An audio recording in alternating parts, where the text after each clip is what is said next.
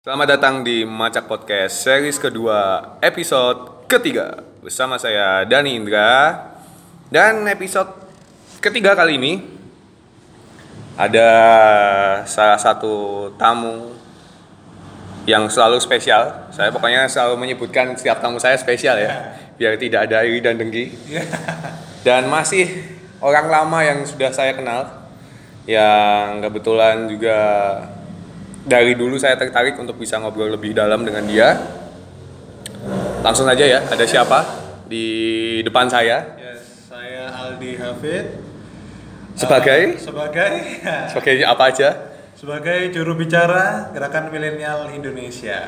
Jadi ada Aldi Hafid, bisnisman juga. Businessman. Terus apa? Mau disebut influencer mau nggak? Enggak, enggak, Enggak, enggak mau, enggak nyaman. Tidak nyaman. Tidak nyaman Tidak kan? pantas. Oh, karena Followersnya sedikit. Terus uh, fashion enthusiast, Ya, boleh. Ya, fashion enthusiast. Bisa dicek di Instagramnya di Hafiz nanti. Dan salah satu pemuda yang bisa dibilang menjadi role model di kota Solo.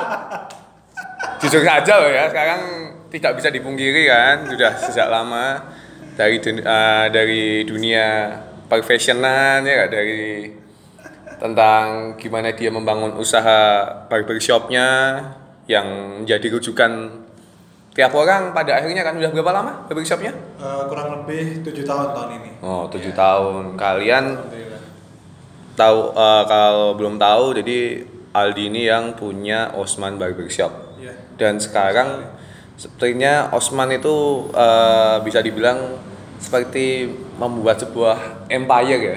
Jadi nggak cuma barbershop aja, kemudian merambah ke bidang-bidang lain Alhamdulillah. seperti eh, kopi, sadari kopi. Sadari kopi, ada bisnis jasa juga, The Clean Bar. Ah. Lalu ada foto studio dari eh, Aesthetic Studio. Terus ada apa ini namanya? Gria Usman. Iya, itu Gria. eh, eksekutif kos. Ya mungkin baru itu. Oh, sama ada bisnis tempat makan juga. Wah, Iya.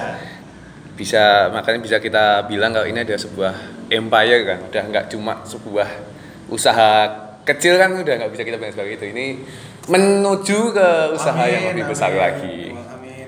terus apa ya kita episode kali ini karena bau-baunya ini kan Hamin berapa nih Hamin Amin 9 Hamin 9 menuju Hamin 9 Pencoblosan. menuju pencoblosan menuju pemilu dan bisa saya bilang ini adalah momen saya untuk bisa ngobrol politik secara lebih dalam yes. walaupun saya merasa juga mungkin kemampuan saya mungkin masih eh, kalah dibanding dengan teman-teman yang lain netizen netizen yang lain belajar. kita ya balik lagi kita semua belajar dan kita bebas kan mengeluarkan Ya, pendapat apa bebas, aja ya. Wong yang bego-bego berpendapat kayak gitu aja bebas kok Inilah demokrasi kan. Ya, jadi ya- berpendapat. yang kita mencoba buat istilahnya berpendapat yang uh, benar lah Ya. menurut kita dan langsung aja jadi episode kali ini kita mau membahas tentang uh, fenomena menjelang pemilihan presiden Ya. baik itu pro kontra antara condongnya seseorang ke Salah satu paslon. salah satu paslon baik itu 01 atau 02 Ya. atau yang sampai sekarang bisa kita katakan sebagai swing voter yang masih bingung, Masih bingung. antara memilih satu atau, dua. memilih dua atau bahkan sudah memutuskan untuk menjadi seorang golongan putih. Yes. Nah ini kan isu yang panas ya buat Ya. beberapa waktu belakangan ini apalagi sudah Hamin 9 menjelang coblosan ini Ya.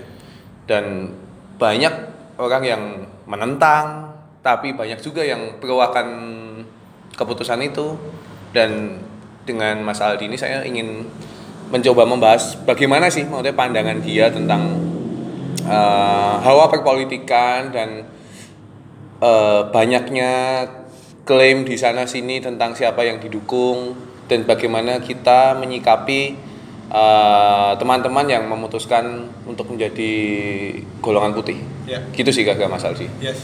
Oke.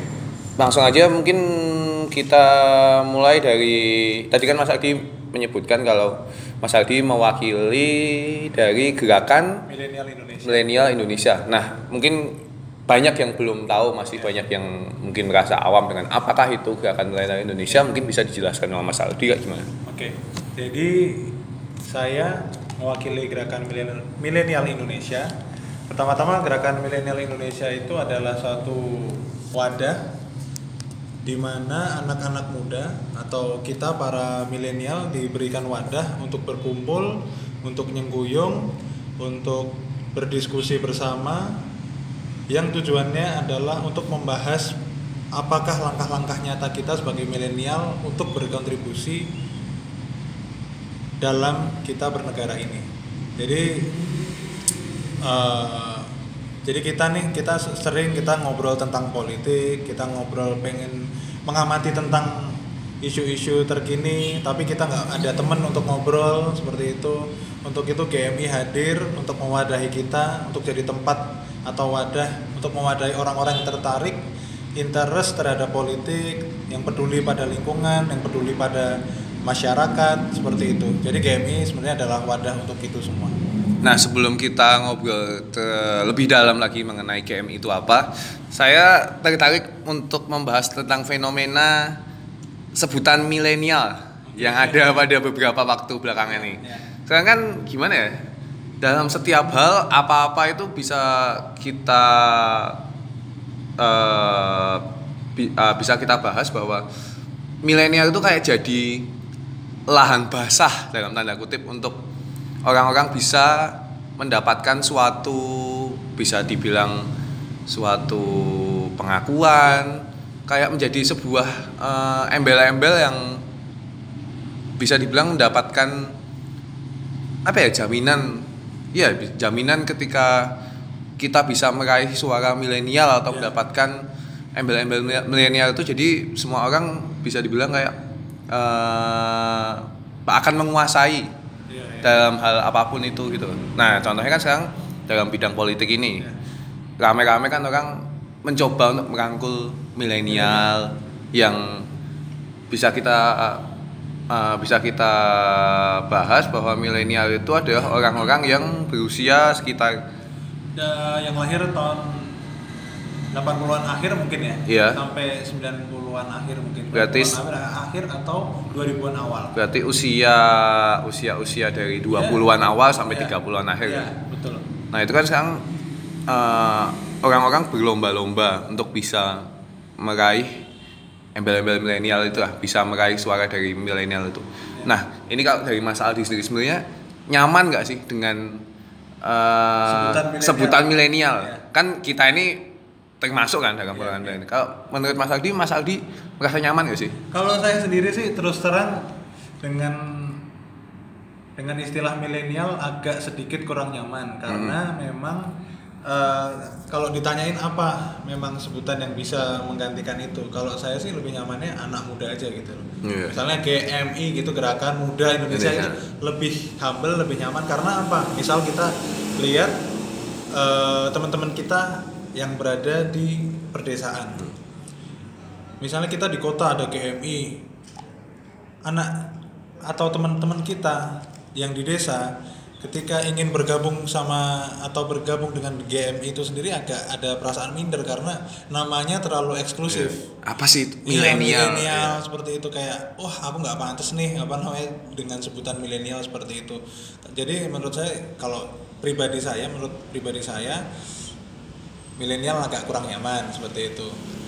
Tapi kenapa kok milenial ini misalnya diperebutkan? Memang karena eh, pada tahun 2030 nanti kurang lebih Indonesia akan eh, mendapatkan bonus demografi di Iya, mana betul. Eh, besok ta- pada tahun sekitar 2030-an kurang lebih kalau saya tidak salah jumlah manusia atau masyarakat yang mempunyai usia produktif tuh melimpah ruah. Didominasi oleh kaum muda bisa dibilang. Iya, didominasi oleh kaum muda yang mana anak-anak yang berusia produktif itu jumlahnya lebih besar daripada orang yang sudah tidak produktif usianya. Jadi ini adalah berkah bagi kita yang 2030 itu atau bisa jadi menjadi cobaan buat kita juga.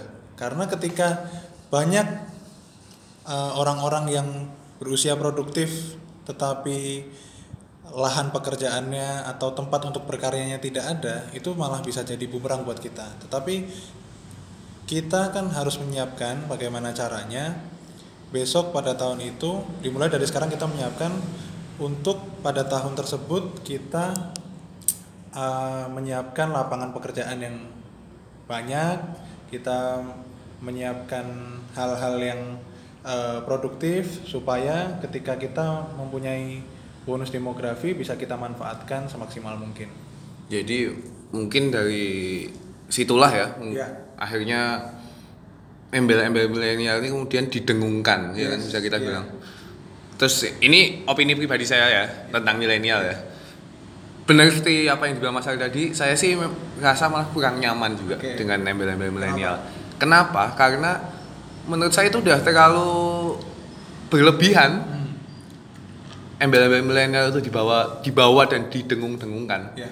kayak yang Mas Aldi bilang tadi tidak semua orang kan punya tahu apa itu arti milenial. kan kesannya eksklusif gitu kan. Jadi kayak mungkin hanya orang-orang yang punya privilege ter- tertentu yang akhirnya paham bahwa milenial itu adalah kayak gini. Mungkin kan kalau kita sebut dengan lebih simpel dengan generasi muda itu kan Eh, lebih universal ya Iya. lebih tahu itu. Dan ya itu pada akhirnya dalam semua aspek yang memang penting sampai yang nggak penting jadinya apa-apa yang dibawa yang dibawa-bawa itu nama-nama milenial gitu. Jadi dari situ kan pasti kan pada akhirnya untuk kita yang memang masih dalam masa milenial masa dan fase milenial itu kan kita di ki jane ngopo to kok aku digowo-gowo terus no. Kenapa kok eh, kami yang em, ada di umur-umur milenial itu selalu dibawa-bawa dalam setiap hal apa pun yang Iya. bahkan kita nggak tahu. Jadi kan dari Masuk situ dalam konteks politik ini juga ya mas dalam konteks politik makanya kan jadi timbul kebingungan juga pada akhirnya jadi sebenarnya mereka yang ribut-ribut mereka yang saling mengklaim dan mendengungkan tentang ini kami punya suara milenial kami mendukung kami didukung oleh milenial bla bla bla bla bla padahal kita nih yang milenial tuh ada yang masih bingung Iya. bahkan cenderung apatis. Iya apatis. Bahkan kayak ini sebenarnya ngapain sih orang-orang ini kok? Iya, iya, iya. kita kita ini dibawa-bawa malah jadinya kan timbul rasa males Iya, betul. enek sekali. gitu kan? Betul sekali iya. Itu terus ya lucu aja makanya. Menurut saya udah terlalu berlebi- berlebihan sih maksudnya tentang embel-embel milenial dibawa setuju. sekarang-sekarang ini sih. Terus kemudian masuk tentang gerakan milenial Indonesia tadi ya. Ya. itu bisa dijelaskan mungkin eh, tujuan awal dari gerakan milenial Indonesia ini dan tidak bisa kita pungkiri kan eh, gerakan milenial Indonesia ini adalah sebuah gerakan yang memang Punya berafil ya politik ya. punya preferensi politik dan berafiliasi ke salah satu pihak gitu Ya. mungkin bisa dijelaskan Ya.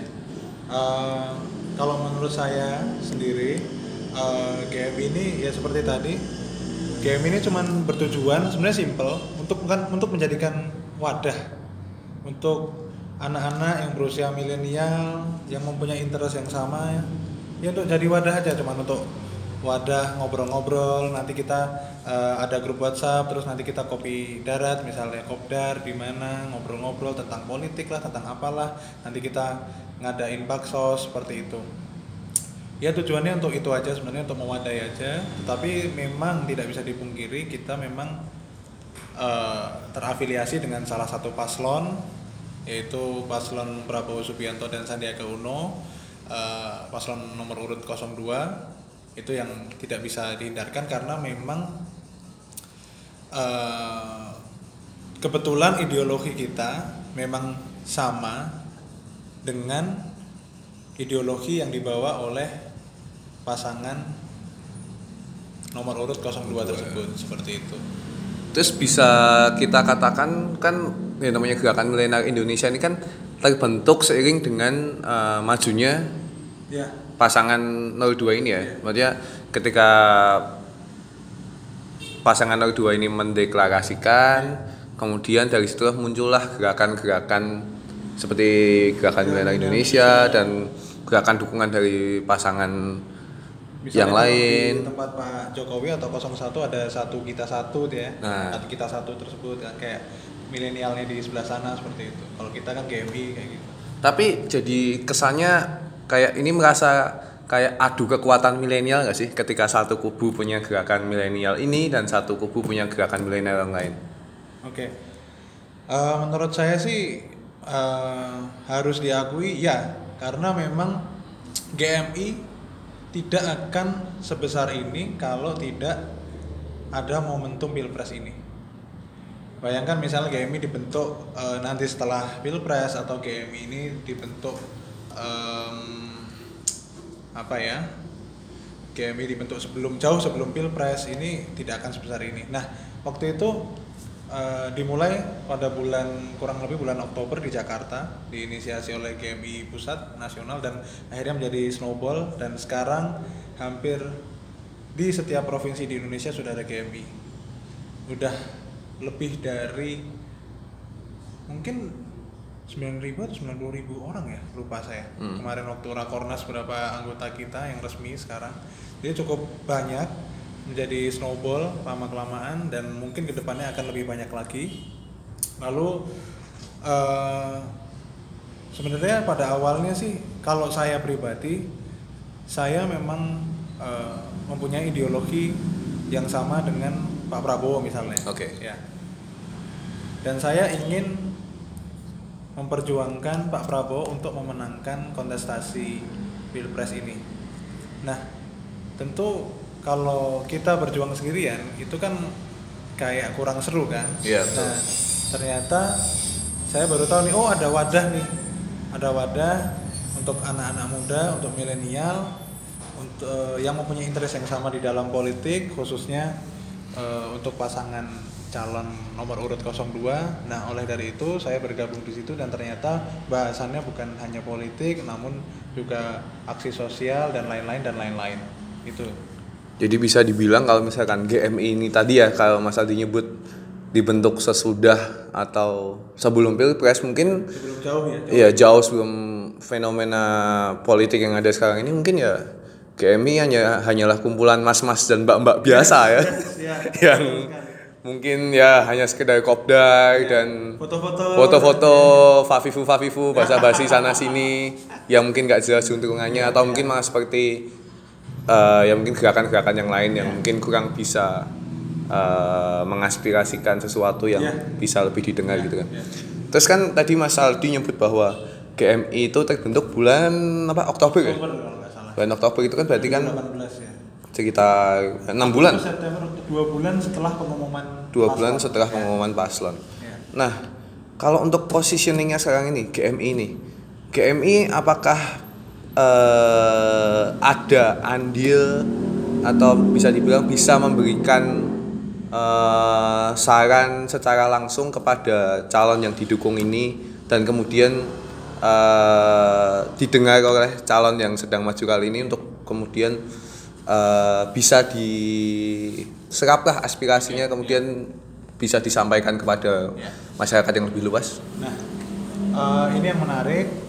Jadi dari dulu eh, saya atau teman-teman saya yang tertarik di dunia politik yang suka komentar-komentar tentang politik, selama ini kita hanya marah-marah, mungkin eh, marah-marah di meja makan kita sama keluarga tentang ketika ada suatu kasus tertentu atau Cuma nge-tweet di Twitter. Nge-tweet di Twitter atau mungkin misalnya saya marah waktu itu di medsos di Twitter atau Instagram atau apa pun ya misalnya di status BBM misalnya Iya. zaman waktu tahun 2014 misalnya.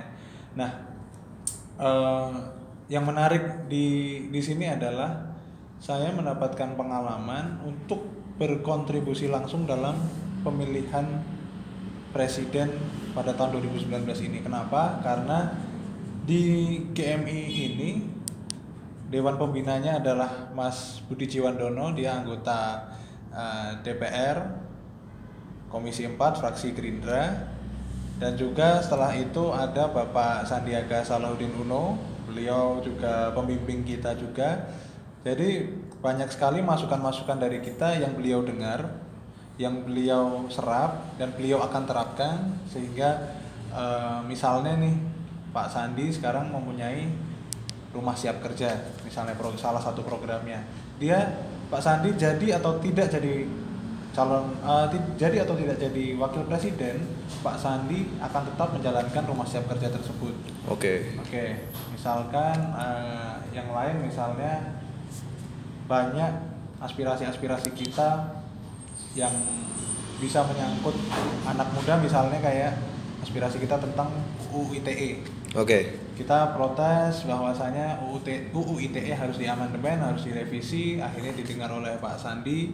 Dan Pak Sandi sudah berjanji bahwa ketika beliau menjadi wakil presiden akan menginisiasi untuk merevisi UU ITE tersebut. Misalnya seperti itu. Jadi menurut saya ini adalah eh, kali pertama langsung berkontribusi dan langsung didengar oleh yang bersangkutan langsung. Ini sangat menjadi berkah buat saya Jadi memang bisa dibilang GMI ini eh, suara-suara yang didengungkan oleh teman-teman dari GMI ini menjadi masukan Yes. untuk capres dan cawapres yang didukung Ya. dan kemudian akhirnya ketika terpilih nantinya mungkin bisa bisa di follow up ya bisa kita bilang kan. sekali. Jadi nggak cuma yang hanya sekedar kita ngumpat dalam hati atau cuma kayak angan-angan aja. Yes, betul sekali.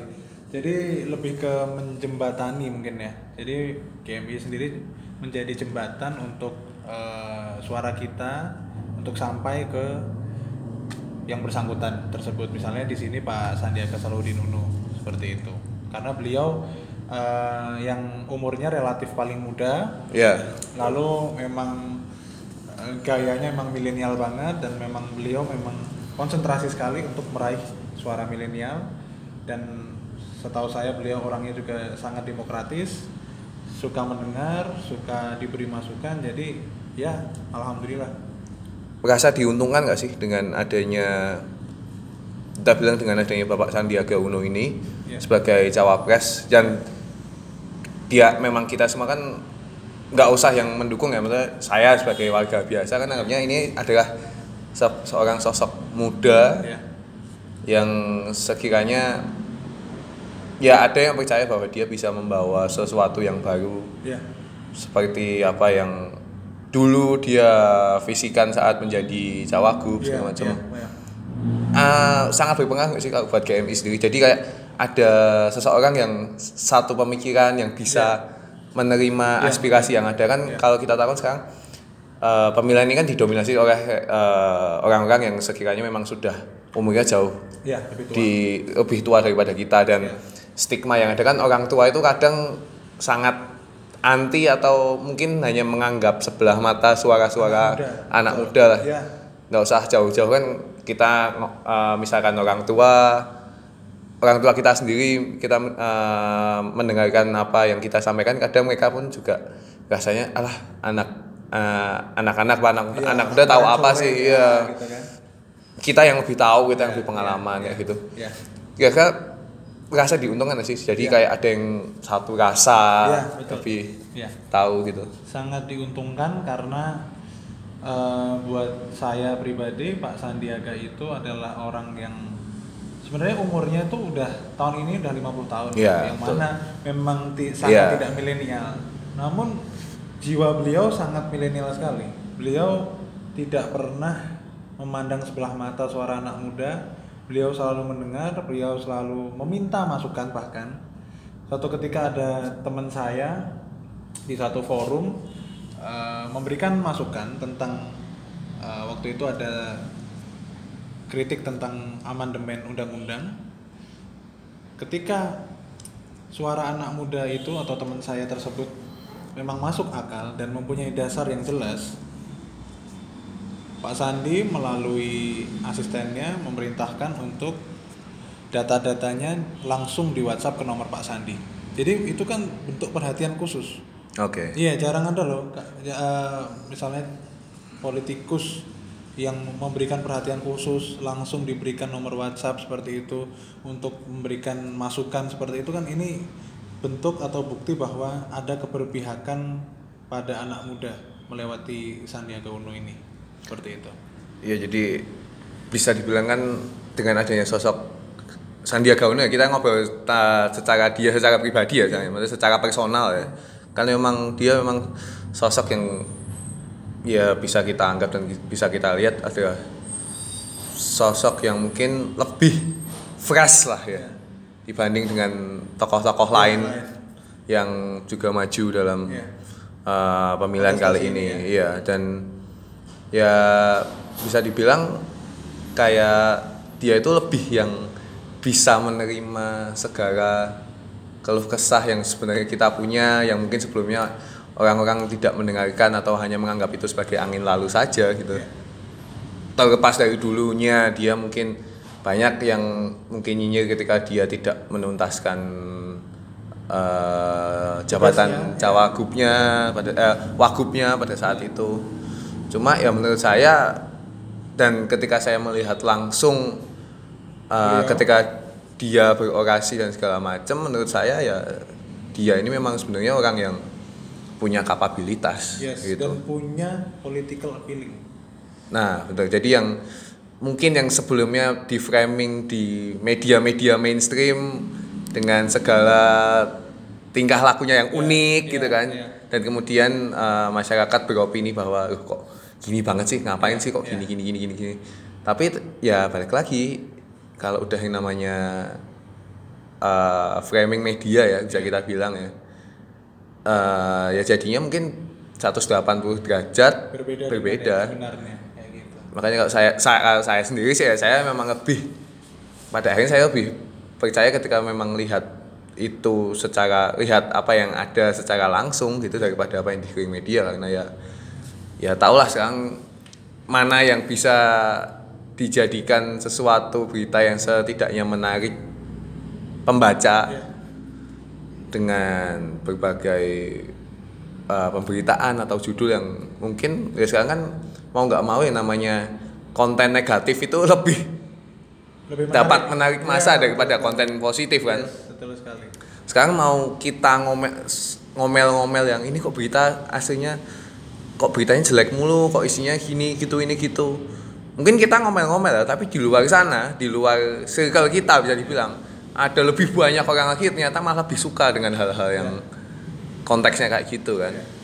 Itu sih jadi yang bagi saya mungkin orang-orang bisa setidaknya mungkin bisa lebih melihat sesuatu lebih mendalam lagi dan lebih objektif lagi jangan nggak cuma tertrigger dengan media mainstream. iya dan hanya dalam satu sumber atau mungkin yang memang membawakan narasi-narasi yang setidaknya menyudutkan cobalah kalian bisa cari referensi yang lebih dalam lah Iya. atau kalau bisa kalian lihat secara langsung misalnya ya coba aja nanti kan kalian Iya.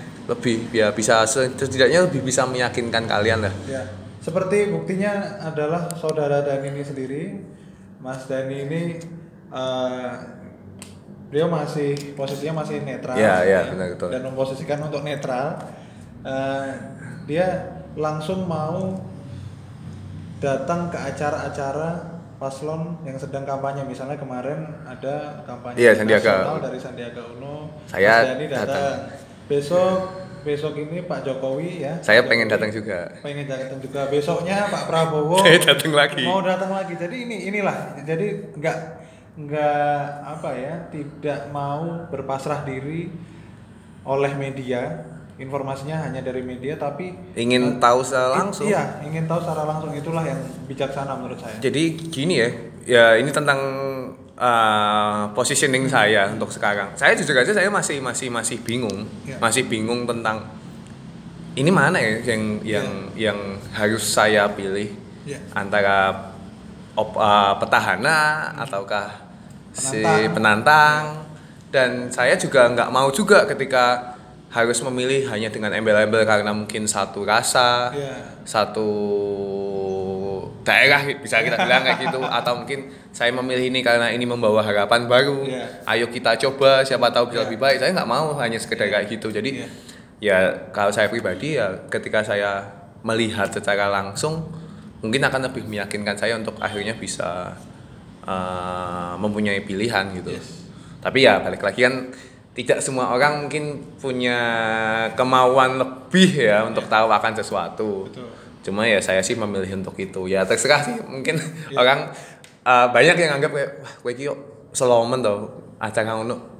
Kowe teko terus kok buang-buang waktu apa nggak ada hal yang lain yang mungkin lebih berfaedah ya kan, buat Padahal itu sangat berfaedah menurut tapi menurut saya untuk pemilihan kontestasi politik kali kali ini tahun ini kita harus sangat concern gitu loh. Kita nggak boleh apatis karena ini tentang apa yang akan kita dapatkan Lima tahun lima tahun ke depan. Nggak usah eh, gini deh, kita nggak usah ngobrol jauh-jauh tentang capres cawapres lah. Kita ngomong tentang yang paling deket dan akan ada impactnya buat kita mengenai pemilihan calon legislatif Betul. yang levelnya di Daerah. daerah, kemudian ada yang di daerah provinsi, kemudian Nasional. nasional. Itu pun juga jangan eh, kita abaikan. Maksudnya kita terlena dengan fenomena copras, capres, Iya. Betul. dukung 01, 02 segala macam. Ini ada hal yang pasti impactnya akan lebih terasa karena ini tentang mereka yang mewakili eh, daerah kita kan bisa dibilang kan kayak gitu. Kayak dulu mungkin empat tahun yang lalu, eh, empat lima tahun yang lalu atau mungkin ketika saya memilih untuk pertama kali di saat umur saya itu 11 tahun, saya dulu jujur aja kalau nyoblos ya seenak seenak saya aja Iya. karena memang dulu masih apatis tidak mau eh, tahu lebih banyak mengenai siapa yang mewakili daerah kalian kayak gitu kan Iya. dan memang dari dulu kan kita pasti kan kepentoknya ah nyoblos sih nyoblos presiden wae ya sing Iya. DPR DPRD Nggak usah. nggak usah ngop gopo ngomong ya Iya, kamu iya, deng lah iya. sebenarnya dari dari situ sih maksudnya dari sekarang kita harusnya sih mulai memupuk diri bahwa ya kita harus uh, harus punya perhatian lebih Iya, akan harus mulai aware. aware akan hal semua itu Betul. dari yang paling dekat misalkan dari awal mungkin kamu masih awam dengan oh ternyata yang mewakili daerah saya itu ternyata ini ini ini ini. Bahkan mungkin kan kita baru tahu sekarang kan? Iya. kita yang sebelumnya cuma tahu dari spanduk dan baliho yang bertebaran. Jadi seenggaknya kita kemudian ada usaha yang lebih lanjut. Kan sekarang juga udah banyak yang menyediakan platform-platform yang memberikan info kan tentang bagaimana rekam jejak para calon-calon ini ya. kayak gitu. Karena sih saya sih percaya ya mungkin ketika kita mengeluh eh, akan sesuatu tentang apa yang terjadi di negara ini sebenarnya yang realistis ya kita cari yang paling dekat sama kita aja yaitu ya perwakilan-perwakilan di daerah kita, iya betul. gitu. Karena ya balik lagi yang namanya presiden kan ngurusinya kan ini kont- ah, konteksnya nasional ya maksudnya. Dan Indonesia ini luas gitu. Iya. mungkin ketika kamu mengeluh jalan depan rumahmu rusak kamu konteksnya ke presiden ya Mungkin kan? nggak mungkin kan. Iya. yang paling realistis ya kita ngeluhnya apa ya ke perwakilan yang ada di daerah kita Betul. dan yang lebih spesifik lagi yang memang daerah pemilihannya di daerah tempat tinggal kita kayak Iya. gitu sih Iya. Betul sekali. terus kan dari sini kan memang kita harus meningkatkan ini ya eh, perhatian kita awareness kita akan eh, pemilihan kali ini Iya. dari yang levelnya tadi daerah provinsi sampai nasional Iya. nah di sisi lain kan kita tidak bisa menutup mata juga nih kalau ada yang namanya golongan putih Iya. yaitu teman-teman yang memang memilih untuk memilih untuk tidak memilih Memilih Ya. untuk tidak memilih. memilih untuk tidak memilih Iya. bisa kita bilang ya mereka sudah merasa mungkin tidak ada yang bisa uh, membawa harapan baru Betul. Narasi yang disampaikan mungkin terasa Itu-itu aja. itu aja kurang tidak ada yang mungkin bisa membuat mereka terdorong untuk memilih Iya. atau bahkan mungkin sudah lelah dengan narasi-narasi yang pada akhirnya akan berujung janji dan Iya. tidak terrealisasi segala macam ini kalau kita ngobrol uh, kita bicara secara pribadi nih mas ya Iya. maksudnya Mas Ardi secara pribadi kalau Mas Ardi pribadi sendiri gimana menyikapi tentang fenomena golput ini Nah, kalau saya pribadi, saya pribadi misalkan saya ketemu teman saya yang belum menentukan atau bahkan sudah memilih untuk memilih eh, untuk tidak, Tidak memilih, memilih. itu rata-rata alasan mereka seperti ini. Mas, aku tuh males milih gitu. Kena, saya tanya kenapa? Karena ketika saya buka sosial media, isinya cebong sama kampret nih berantem terus gitu loh Hmm, betul yang cebong ngata-ngatain Pak Prabowo misalnya yang kampret ngata-ngatain Pak Jokowi terus jadi gimana orang mau tertarik ya kan gimana orang mau tertarik untuk belajar lebih lanjut lagi tentang pasangan calon yang ada. Kalau para pendukungnya aja seperti ini, mungkin banyaknya tingkat golput tuh bukan salah capres capresnya semata-mata loh, tapi juga ada menurut saya pribadi ada efek dari kelakuan para pendukungnya. Dan kita yang terlalu mengkultuskan. Betul mereka. sekali. Nah, itulah dia, itulah kenapa saya saya pribadi saya tuh menginisiasi satu hashtag yaitu satu dua tetap saudara. Oke. Ya, jadi hashtag tersebut saya inisiasi berdasarkan Fenomena-fenomena tadi yang ya terjadi. fenomena-fenomena tadi atau kelelahan saya sendiri. Saya rasanya capek banget. Saya capek banget ketika eh, berada di waktu-waktu pilpres seperti ini. Banyak teman-teman di sosial media tuh hanya berantem mulu gitu. Yang satu ngatain A, yang sini ngatain B, seperti itu. Saya lelah. Kenapa sih kita itu enggak eh, ini aja kita tuh kita tuh gini Bolehlah beda pilihan. boleh lah beda pilihan tapi jangan sampai kita itu terus jadi saling unfollow kita jadi nggak pernah ngobrol kalau ketemu jadi musuh-musuhan gitu loh toh eh, hidup kita tuh kan nggak sampai pilpres doang Iya, gitu loh hidup kita, tidak berhenti di 17 Yes, April. hidup kita tidak berhenti di 17 April itu. Ini saya heran gitu loh. Kenapa? Harusnya menurut saya yang ideal adalah para partisan-partisan ini termasuk saya sendiri tidak boleh atau jangan jangan eh, melakukan black campaign atau negatif campaign kepada paslon lain. Lain. Mending kita dukung aja atau malah campaign program-program ya, itu itu yang Pro- iya, mending kita campaign eh, sosok atau program-program yang dibawa oleh calon-calon yang kita dukung seperti itu. Nah ini kok nggak pernah nggak pernah menyatakan dukungan, nggak pernah nggak pernah apa namanya mensosialisasikan program dari paslon yang didukung, malah sibuk menjelek-jelekan paslon sebelah kayak gitu. Iya. Itulah yang membuat perpecahan. Maka dari itu saya ingin apa namanya eh, menginisiasi dan telah terinisiasi yaitu hashtag 12 tetap saudara. Dan alhamdulillah sudah diterima oleh GMI sendiri di Solo. Jadi kita pernah nih Mas Dani Hmm. bagi-bagi makanan ke tukang beca, sopir taksi atau orang-orang yang ada di jalanan alih-alih kita kampanye tentang 02, kita tulis di situ satu dua tetap saudara, kenyang lapar bersama gitu. Jadi tujuan kita adalah memberikan wawasan demokrasi itu yang sesungguhnya. Bahwa berbeda pilihan itu biasa, berbeda pilihan itu bukan berarti kita bermusuhan, seperti itu. soalnya ya dengan fenomena yang ada sekarang ini ya, apalagi di media sosial kan otomatis kita sekarang hidup tidak hanya di dunia nyata nih, Betul. kita hidup di dunia maya, bahkan kita lebih meluangkan waktu kita untuk Dunia maya. memperhatikan dunia maya. Dan bisa kita lihat sekarang ini ya ampun yang namanya pendukung satu dengan pendukung yang lain itu gimana ya? Menurut saya ya tidak ada yang membawa narasi dengan me- menyebutkan visi dan misi calon yang didukungnya atau mungkin setidaknya melihat secara objektif nih ketika mungkin ada pasangan yang didukungnya ada yang kurang Iya. mungkin mengingatkan atau gimana Iya, iya, iya. yang Nah, itu betul fokusnya adalah saling serang menyerang itu Betul loh. sekali. Nah, eh, kalau misalnya orang tanya, eh, terus masalah dia sendiri gimana? Kalau di sosial media, kalau saya sendiri, saya lebih menerapkan pola objektif itu sendiri. Jadi walaupun saya pendukung Pak Prabowo atau pendukung 02, saya tetap kok mengapresiasi apa yang dilakukan eh, pasangan 01 atau yang sekarang masih jadi presiden kita ketika dia berprestasi harus diakui prestasinya. Jangan malah di tetap dicari celah-celah jeleknya gitu. Pun juga demikian ketika eh, paslon yang saya dukung itu punya salah saya tetap kritik.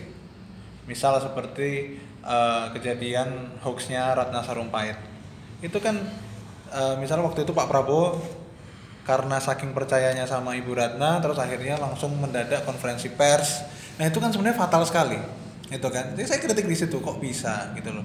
Kok bisa eh, ketua umum partai level nasional harus terkecoh dengan isu-isu seperti itu yang nanti akan menjadi yang sudah menjadi bumerang buat kubunya sendiri seperti itu. Jadi ya itu sih sebenarnya eh, yang yang menurut saya yang harus dikritisi pada waktu ini adalah pengkultusan itu sendiri Mas Dani Jadi yang dukung Jokowi itu seakan-akan Pak Jokowi ini selalu benar Iya, dan tidak tidak, ada- boleh salah. Bukan tidak ada salah, tidak boleh salah. Pun juga demikian dengan Pak Prabowo. Pak, apa yang Pak Prabowo lakukan itu benar dan tidak boleh salah juga. Pada akhirnya di tengah-tengahnya adalah pertik- pertikaian tadi. itu. Pertikaian itulah karena pengkultusan tersebut. Pokoknya nek ora Jokowi ora, pokoknya nek ora Prabowo ora. Ora apa ora bos, ora Ora. bos gitu. Kan, kan namanya? Itulah yang yang apa namanya? Itulah yang harus kita perhatikan karena itu adalah cikal bakal perpecahan di negeri kita ini. Dan yang harus diingat bahwa ini bukan tentang eh, bukan hanya tentang eh, istilahnya antara kubu satu dan dua, masih ada kubu di tengah satu dan dua ini yang dalam keadaan bingung untuk menentukan. Tapi ketika mereka bingung untuk menentukan pilihannya, bukannya dikasih visi misi antar Malah pasangan, diolok-olok. malah bisa kita bilang bahasa kasarnya mah kayak dipukulin lah Iya, malah kayak dipukulin. Mas misal, diolok-olok, ya, misal nih maaf saya harus objektif seperti pendapat uh, Pak Wiranto yang berpendapat bahwa bah- bahwasanya orang yang golput itu bisa kena pasal terorisme atau orang yang golput atau mengajak golput ya kata-katanya seperti itu kalau nggak salah. Ini kan gimana sih gitu loh. Maksudnya orang yang golput atau yang belum menentukan atau yang memilih untuk tidak memilih itu kan harusnya kita rayu-rayu. Kita berikan visi misi, kita berikan ajakan yang baik. Misal nih saya pacaran, pacar saya ngambek. Malah saya kata-kata ini tambah Nah, kan iya. gitu. Harusnya kan saya rayu-rayu, saya saya baik-baikin supaya apa? Supaya dia mau denger kayak gitu. Gimana caranya mau denger kalau eh, malah kita ibaratnya apa ya? Kita diskriminasi. Iya. gitu. Padahal golput sendiri itu sudah dijamin oleh undang-undang Iya. haknya. Hak untuk golput itu sudah dijamin oleh undang-undang. Yang kita dengung-dengungkan sebagai hak untuk uh, kebebasan berpendapat. Nah, itu iya kan termasuk di dalam hak abstain itu sendiri. Nah, dan juga sebaliknya, yang melarang golput, yang melarang golput itu juga termasuk Membungkam, kan? Membungkam kayak Ya. gitu. Nah, ini ini kan bukan demokrasi yang baik kalau seperti Ya. ini. Itu mengharuskan meng- melarang orang untuk memilih salah, melarang ya, Iya. melarang dengan kekerasan, dengan apa namanya? dengan Intimidasi. paksaan, dengan intimidasi melarang untuk memilih itu adalah salah. Melarang untuk tidak memilih pun menurut saya pribadi itu juga termasuk salah. Itu bukan bagian dari demokrasi menurut saya. Nah, jadi yang harus kita lakukan saya juga eh, tidak setuju kalau banyak yang golput. Menurut saya sayang sekali kalau eh, kalau suara-suara kita ini eh, tidak terpakai. Eh, tapi PR kita adalah yang sudah menentukan pilihan ini adalah untuk merayu, untuk mengajak, untuk mencari simpati mereka. Dengan cara apa? Dengan cara tidak usah tidak usah ngata-ngatain paslon lain, udah itu dulu aja. Dengan cara eh, misal di sosial media ngepost tentang eh, pasangan calon itu, pasangan calon yang kita dukung kebaikannya seperti apa, kerennya seperti apa misalnya, atau kita sentuh sisi emosionalnya seperti apa, seperti itu aja tanpa harus ibaratnya kalau kata orang Jawa ngelek-elek, Iya. tanpa orang kudu ngelek-elek yang lain seperti itu. Setidaknya berikanlah sesuatu yang eh, bersifat menawarkan hal yang Betul. baik gitu kan. Iya betul sekali. Ini loh, aku misalkan ini yang memang sudah punya sudah punya pilihan ya. Ini loh, aku memilih ini karena pilihanku ini begini begini begini begini Yes, begini begini. Yes. Begitupun dengan sebaliknya. Iya. Dan kalau bisa pun ya eh, mengakui apa yang setidaknya mungkin tidak dimiliki oleh pasangan itu Iya misalkan. betul sekali. Mungkin untuk sekarang ini pasangan yang saya dukung Iya. eh, belum bisa menawarkan hal ini ini Iya. ini ini, ini segala macam. Kan ya itu balik lagi gimana caranya kita mendukung tapi objektivitas itu jangan sampai ditinggalkan. Betul sekali. Gitu. Betul sekali. Akal sehat kita itu terdapat pada objektivitas kita. Dan emang di pemilu kali ini bisa kita bilang lebih panas dari yang terjadi lima tahun yang Iya, lalu kan. iya, iya, betul. dengan apalagi dengan kekuatan sosial media yang Iya. begitu besar sekarang dan yang namanya ketersinggungan tuh sangat ambang Nah, itu batasnya dia. sangat Iya, betul sekali. Sangat Itulah dia- rentan gitu. Itu dia kenapa kita harus berhati-hati ketika ngepost sesuatu. Kita nggak boleh asal uh, broadcast berita di WhatsApp misalnya seperti itu nanti barangkali ada yang tersinggung kita nggak boleh asal uh, Insta Story barangkali nanti ada yang tersinggung, tersinggung seperti itu Jadi, Sesim, sesimpel ketika kita misalkan kumpul sama teman-teman Ya. foto ya ya kita tuh mau menggerak mau pose itu sampai mikir Gus Iya betul. Jujur Nah, aja. Iya. Iya enggak? Iya, mau jarinya kayak gimana? Jarinya mau kayak gimana? Dikira Iya, nanti ketika mungkin kita nggak ketika nggak ada tujuan buat mungkin mendukung tapi kita jari kita mungkin menunjukkan menunjukkan dukungan Iya. secara mereka yang menonton mungkin asumsinya berbeda Iya. terus tahu-tahu mungkin loh itu ini- oh, oh, Nah, kan kok gitu. kamu anu dukung ini loh itu beneran memang beneran ada macam Iya, iya, iya. nyata Iya, gitu nyata, ada nyata. kayak karena tadi itu yang namanya kata kesinggungan terus kan batasnya udah se se se, se, se- setipis setipis ATM. itu iya. udah setipis itu jadi Iya. lucu aja gitu loh. Iya. ketika banyak ya bahkan di sekitar saya kayak tadi saya lihat gitu Iya. di eh, di instastory teman saya gitu Iya. dia lagi instastory biasa lagi makan gitu lagi makan sama teman-temannya terus tahu-tahu temennya kan karena di shoot kamera terus pose Iya. pertama posenya menunjukkan eh, angka saat tangan satu gitu Iya, iya. nah tahu-tahu terus dia langsung eh salah tanganku salah gini Oh. langsung ganti iya, tangan iya, gue iya, iya. itu jadi hal yang anjing bisa bahkan hal yang sebenarnya harusnya Biasa berjalan aja. secara natural jadi Ah, harus iya, dibuat-buat iya, gitu iya, iya. itu kayak ya ampun Sampai-sampai ada Bawasri ya, Badan Pengawas Jari ya. Nah, dan itu matanya bener-bener wah ini oh, kok kamu posnya tangannya gitu loh jangan gitu gitu. Ah. sampai kayak misalnya kita belum foto ya kita foto rame-rame itu kayak mungkin ada satu dua yang foto sama kita terus akhirnya ayo tangannya hati-hati ya benar, benar, benar, benar, benar, benar. Itu, menurut itu. saya itu gila sih udah sampai kayak, kayak kayak gitu. rasanya tuh cepat selesai nih pilpres Hmm. kita bisa bebas lagi pakai tangan pose dua jari atau pose satu jari dengan bebas tanpa ada pertanyaan-pertanyaan kayak tadi ya rasanya itu bener-bener capek Iya, melihat capek. suasana yang ada sampai hal maksudnya hal tersederhana dan terkecil yang kita lakukan tuh tahu-tahu bisa diafilis Iya. diafiliasikan eh misalnya kita foto lagi wedangan tanda. terus Heeh. di belakang kita ada poster Jokowi Ma'ruf atau Prabowo Sandi wah Nah. ini dukung ini nih kan kayak kayak apa namanya lucu banget sebenarnya dan yang lebih beban lagi kayak misalkan orang-orang mungkin kita bilang kayak misalkan PNS atau mungkin polisi Ya, atau bisa tentara dipecat sekarang sekarang mau pose gitu aja wah besoknya langsung muncul Iya, di berita iya. wah ternyata oknum dari instansi ini Iya. condong Mendukung, mendukung ke nah. ini ke ini ke ini Iya. padahal kan ya mereka sama kayak kita maksudnya Iya. mereka rakyat biasa yang ya ketika ingin kesannya ingin foto-foto ya ya mengekspresikan apa yang dia Iya, ingin itu betul. Jadi memang sebelum kita nggak ada kepikiran sama sekali eh ternyata setelah itu terjadi jadi satu pikiran buat kita. sampai-sampai ketika kita lihat atlet. Hmm. atlet yang kita idolai misalnya pemain bola posenya pakai jempol wah nih atletnya berarti di endorse Pak Jokowi. Nah, Ya, kayak- atau misal Paulo Dybala. Terus Iya, Dybala Mas, wah, wah Dybala ah, ternyata memilih Prabowo. Prabowo. Terus yang paling baru Erdogan, Tayyip Erdogannya PM tuh gitu. Wah, Tayyip Erdogan menunjukkan dukungannya terhadap pasangan 02. ya, ya, ya, itu kan kayak lucu Eh, gitu. apa hubungannya? Tayyip Erdogan tidak mencoblos, Bro. Bebas. Memang Dybala Paulo Dybala tercatat di TPS Laweyan. Enggak kan? Yang lucu sekali Jadi gitu. dan itu kan timbul karena ada orang yang sengaja meng Iya, iya, iya, iya. memasak itu Oh, ya. iya, iya. Itu termasuk saya jadi wah ini wah ini konten ini gimmick ini. iya, gimmick, Itu gimmick. yang ya ampun. iya iya iya Bisa kayak gitu itu.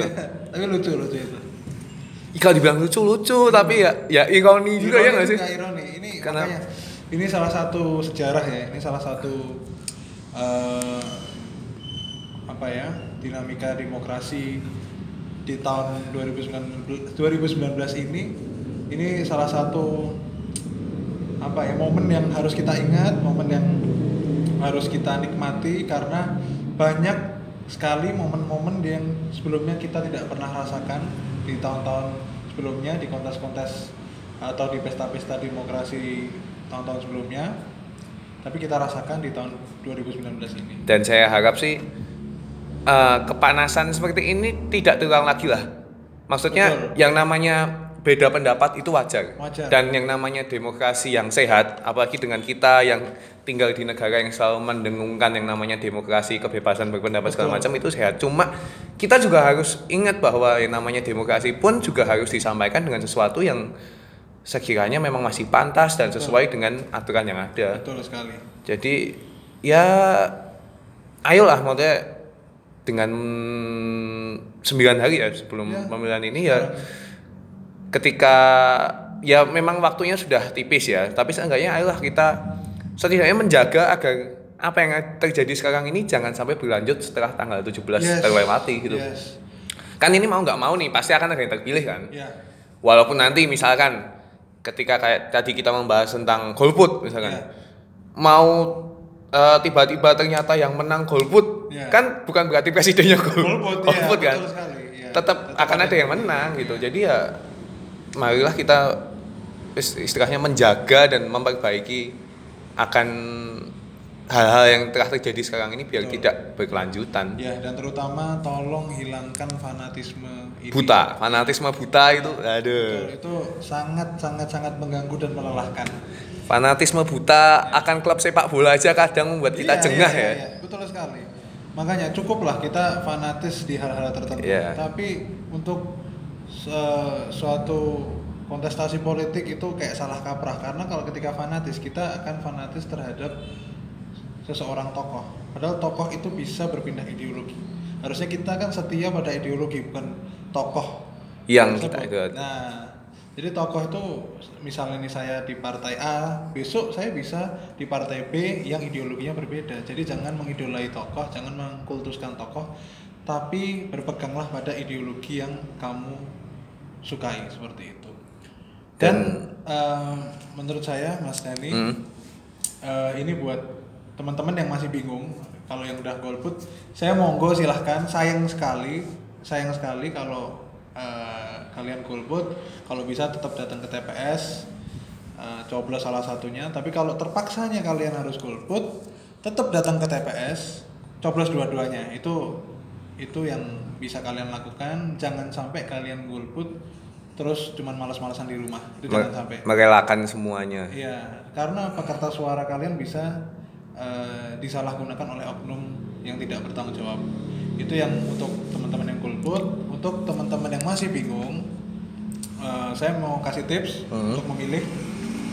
Jadi misalkan ini ada dua pasangan calon, di sini ada Pak Joko Widodo, Pak Ma'ruf Amin, yang satunya lagi Pak Prabowo Subianto, Pak Sandiaga Uno. Nah, Pak Jokowi Ma'ruf Amin ini ada di nomor urut 01 yang mana mereka ini petahana atau Pak Jokowi ini petahana. Kalian temui teman kalian yang mendukung paslon 01. Tapi mendukungnya dari tahun 2014. Oke, Ya, jadi yang sudah karena petahana lama kan, karena petahana. ya. Nah, kalian tanya ke teman kalian tersebut langsung. Jadi jangan lewat chat, jangan lewat uh, video call atau apa kalau bisa ketemu langsung. Kalian tanya, Mas atau Mbak, uh, kali ini dukung Pak Jokowi lagi ya? Iya. Kalau jawabannya iya, kalian tanya lagi janji-janji politik apa atau narasi besar apa yang kalian jadikan pedoman pada tahun 2014 atau kalian gantungkan harapan kalian di situ yang sudah terjadi di tahun 2019 ini sehingga kalian bisa memilih Pak Jokowi lagi. Maksudnya gini, eh, orang tuh kalau mau memilih, kan kalau nggak dari janji, janji politik atau kan bisa aja dari narasi besar. Misalnya waktu waktu tahun 2014 Pak Jokowi punya narasi besarnya revolusi mental. Orang banyak tertarik di situ. Jadi di follow up gimana, Mas? Apa nih? eh, apa nih yang dulu membuat kamu milih Pak Jokowi dan sekarang sudah Terjadi. sudah terjadi Hmm. apa gitu? Nah itu itu tips kalau yang mau milih eh, untuk untuk mengetahui bagaimana Pak Jokowi. Nah untuk Pak Prabowo sendiri tipsnya adalah tanyakan eh, bagaimana apakah visi misi atau program yang menyangkut yang langsung pada kita. Pak Prabowo dan Pak Sandi kan punya banyak program, punya banyak apa namanya eh, tujuan dan visi misinya juga jelas. Di situ misalnya di program tersebut misalnya kita milenial apa sih hubungan atau apa ada nggak sih program-program dari Pak Prabowo atau Pak Sandi ini yang langsung deket banget dengan kita? Yang relate lah ya dengan Ya, kehidupan yang kita. relate dengan kehidupan kita kita tanya ke pendukungnya visi misinya seperti apa dan yang relate yang kayak gimana nah itu bisa kita eh, jadikan patokan untuk memilih 02 jadi eh, jadi nggak usah ini kan waktunya udah deket nih Hmm. kita kalau mau belajar dari awal lagi gimana Pak Jokowi gimana Pak Prabowo nanti agak lama jadi mending langsung aja kalau Pak Jokowi gimana sih track record beliau selama memimpin empat setengah tahun ini? Kalau Pak Prabowo dan Pak Sandi gimana sih nanti ke depannya? Emang Indonesia ini mau dibawa ke mana sih oleh dari mereka? Kalau sama aja ngapain kita milih mereka gitu Hmm. mending ya udah milih Pak Jokowi aja gitu. Nah ini makanya eh, kalau misalnya Pak Jokowi oh kenapa nih? Misalnya tidak ada narasi besar atau janji-janji politik yang sudah terlaksana misalnya. Ya udah berarti mungkin bisa pindah haluan seperti itu jadi itu tips dari saya untuk teman-teman yang masih bingung. Nah untuk teman-teman partisan yang sudah menentukan eh, mendukung 01 atau mendukung 02 please jangan memanas-manaskan timeline dengan ejekan-ejekan kalian ke paslon lain.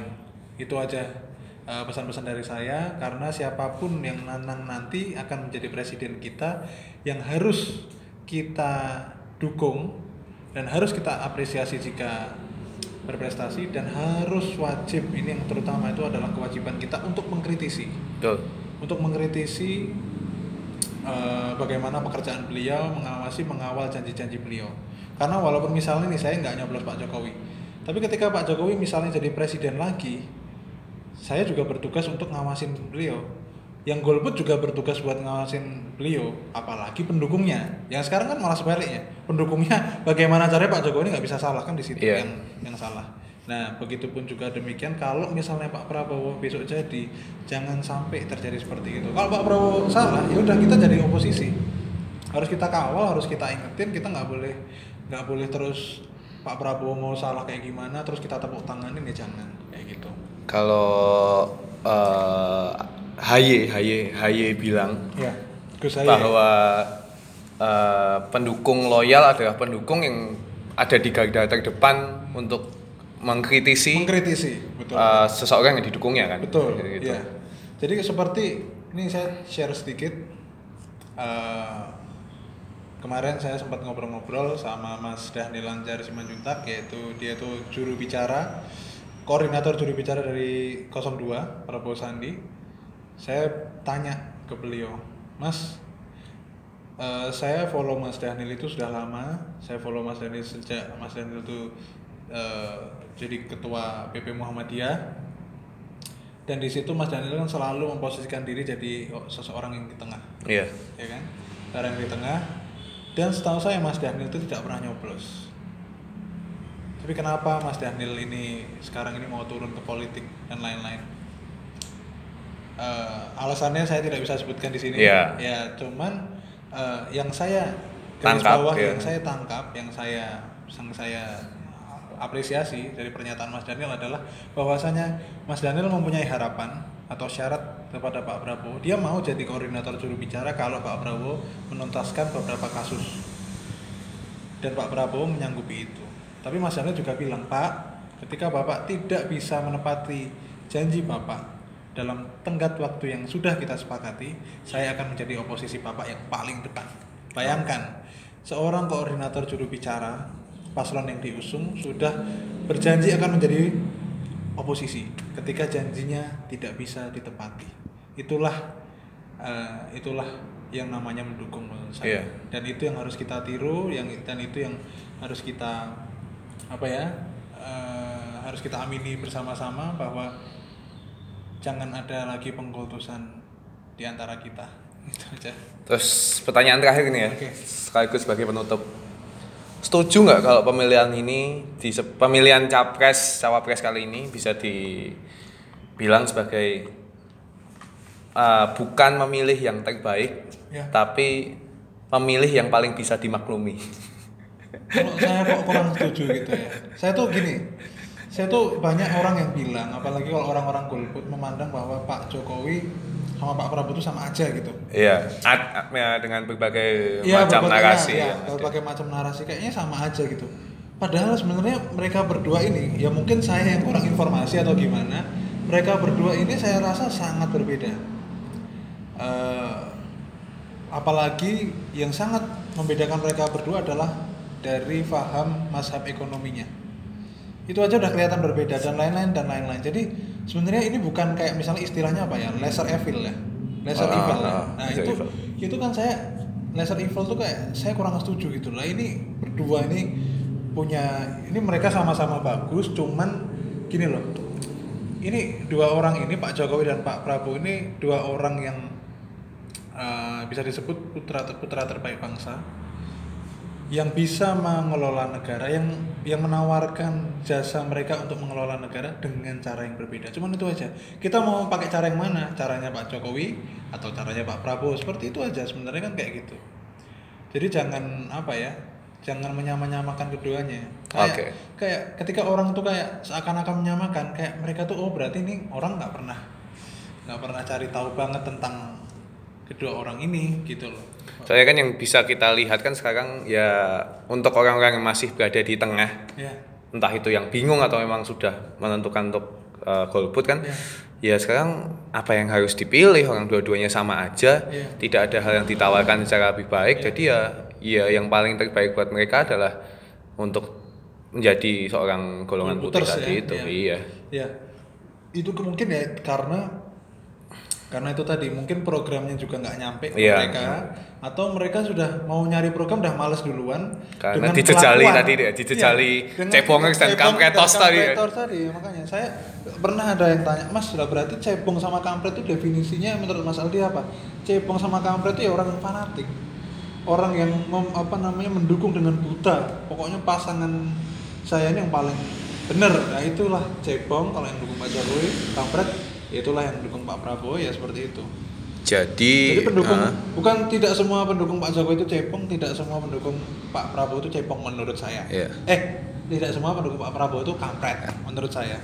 Jadi yang bisa kita sampaikan di akhir ini ya sekaligus sebagai penutup ya jadilah seseorang yang objektif. Objektif betul. Dan eh, janganlah menjadi orang yang mengkultuskan sesuatu dan fanatik akan sesuatu. Betul, betul dalam segala hal ya, dalam segala hal. aspek karena jadi politik ini mengajarkan kita kehidupan Iya. sih sebenarnya tentang strategi tentang bagaimana kita menyikapi suatu hal itu tadi jangan jangan terlalu eh, fanatik tentang apa pun Iya. saya.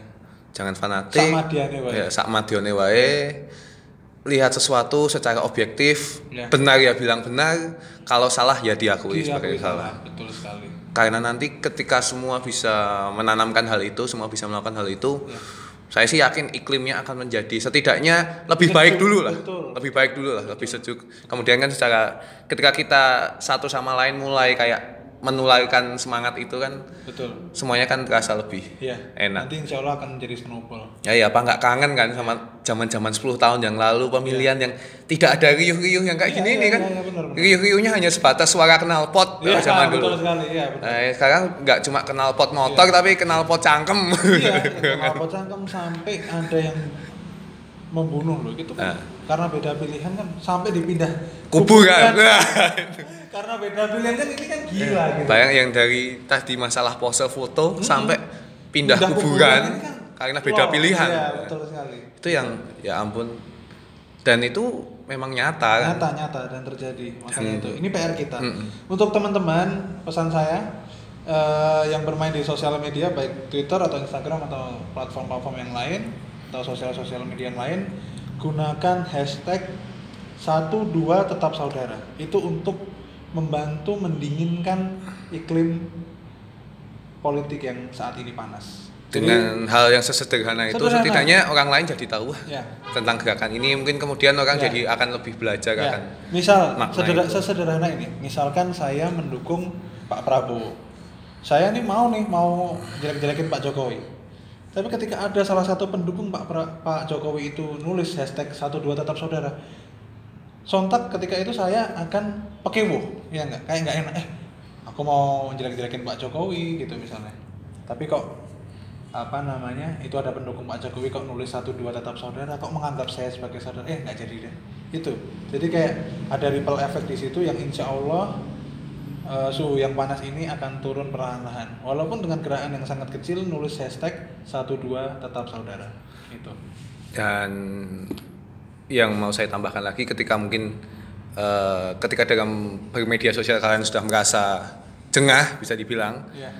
mungkin yang lebih bijak adalah kalian menjauhi media sosial kalian. Ya, boleh. Mengurangi Puasa dulu, puasa. mengurangi intensitas. Ya, itu ada baiknya juga. Atau bukalah akun-akun yang lain yang bisa menghibur kalian. Nah, at popular at popular magazine ID, at Sasa Karisa, at Siska official. Itu lebih adem saya Iya. jamin. Adem. Karena Indonesia akan bersatu Iya. ketika melihat postingan-postingan dari akun-akun tadi. Yes, betul sekali. Karena memang betul Indonesia bersatu di kolom-kolom komentar mereka. Iya, Semuanya betul jadi sekali. sepakat dan Betul. seia Iya, sekata. seia sekata, iya. Jadi itu Benar, tadi. Iya, iya, itu Ketika jengah, ya itu. Iya. Bukalah akun-akun lain Yang yang menarik aja gitu men- ya. yang menarik dan jauh dari hal-hal polatak Betul, politik tadi. Betul, betul sekali. Gitu ya, Mas Ya, Aldi. Yes, terima kasih. Terima kasih. Yes. Satu jam lima menit, gua- eh satu jam lima menit Ya, ya. terima kasih Luar biasa. Mas Dani yang sudah memberikan kesempatan saya untuk Iya. ngobrol-ngobrol ngalor ngidul kali ini. Semoga apa yang kita sampaikan ini bermanfaat. Amin ya. Ya untuk kalian ya silahkan kalian bersikap itu semua menjadi hak kalian. Ya.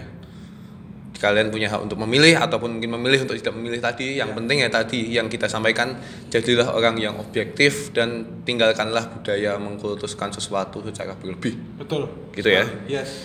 Oke, terima kasih untuk episode keempat series kedua Macak Podcast kali ini. Jangan lupa nanti se- setiap minggunya kalian bisa dengarkan Macak Podcast ini di SoundCloud, di Spotify. Nanti akan eh, saya share linknya. Gitu aja, terima kasih Mas Aldi sekali lagi. Sampai jumpa di episode selanjutnya. Dah.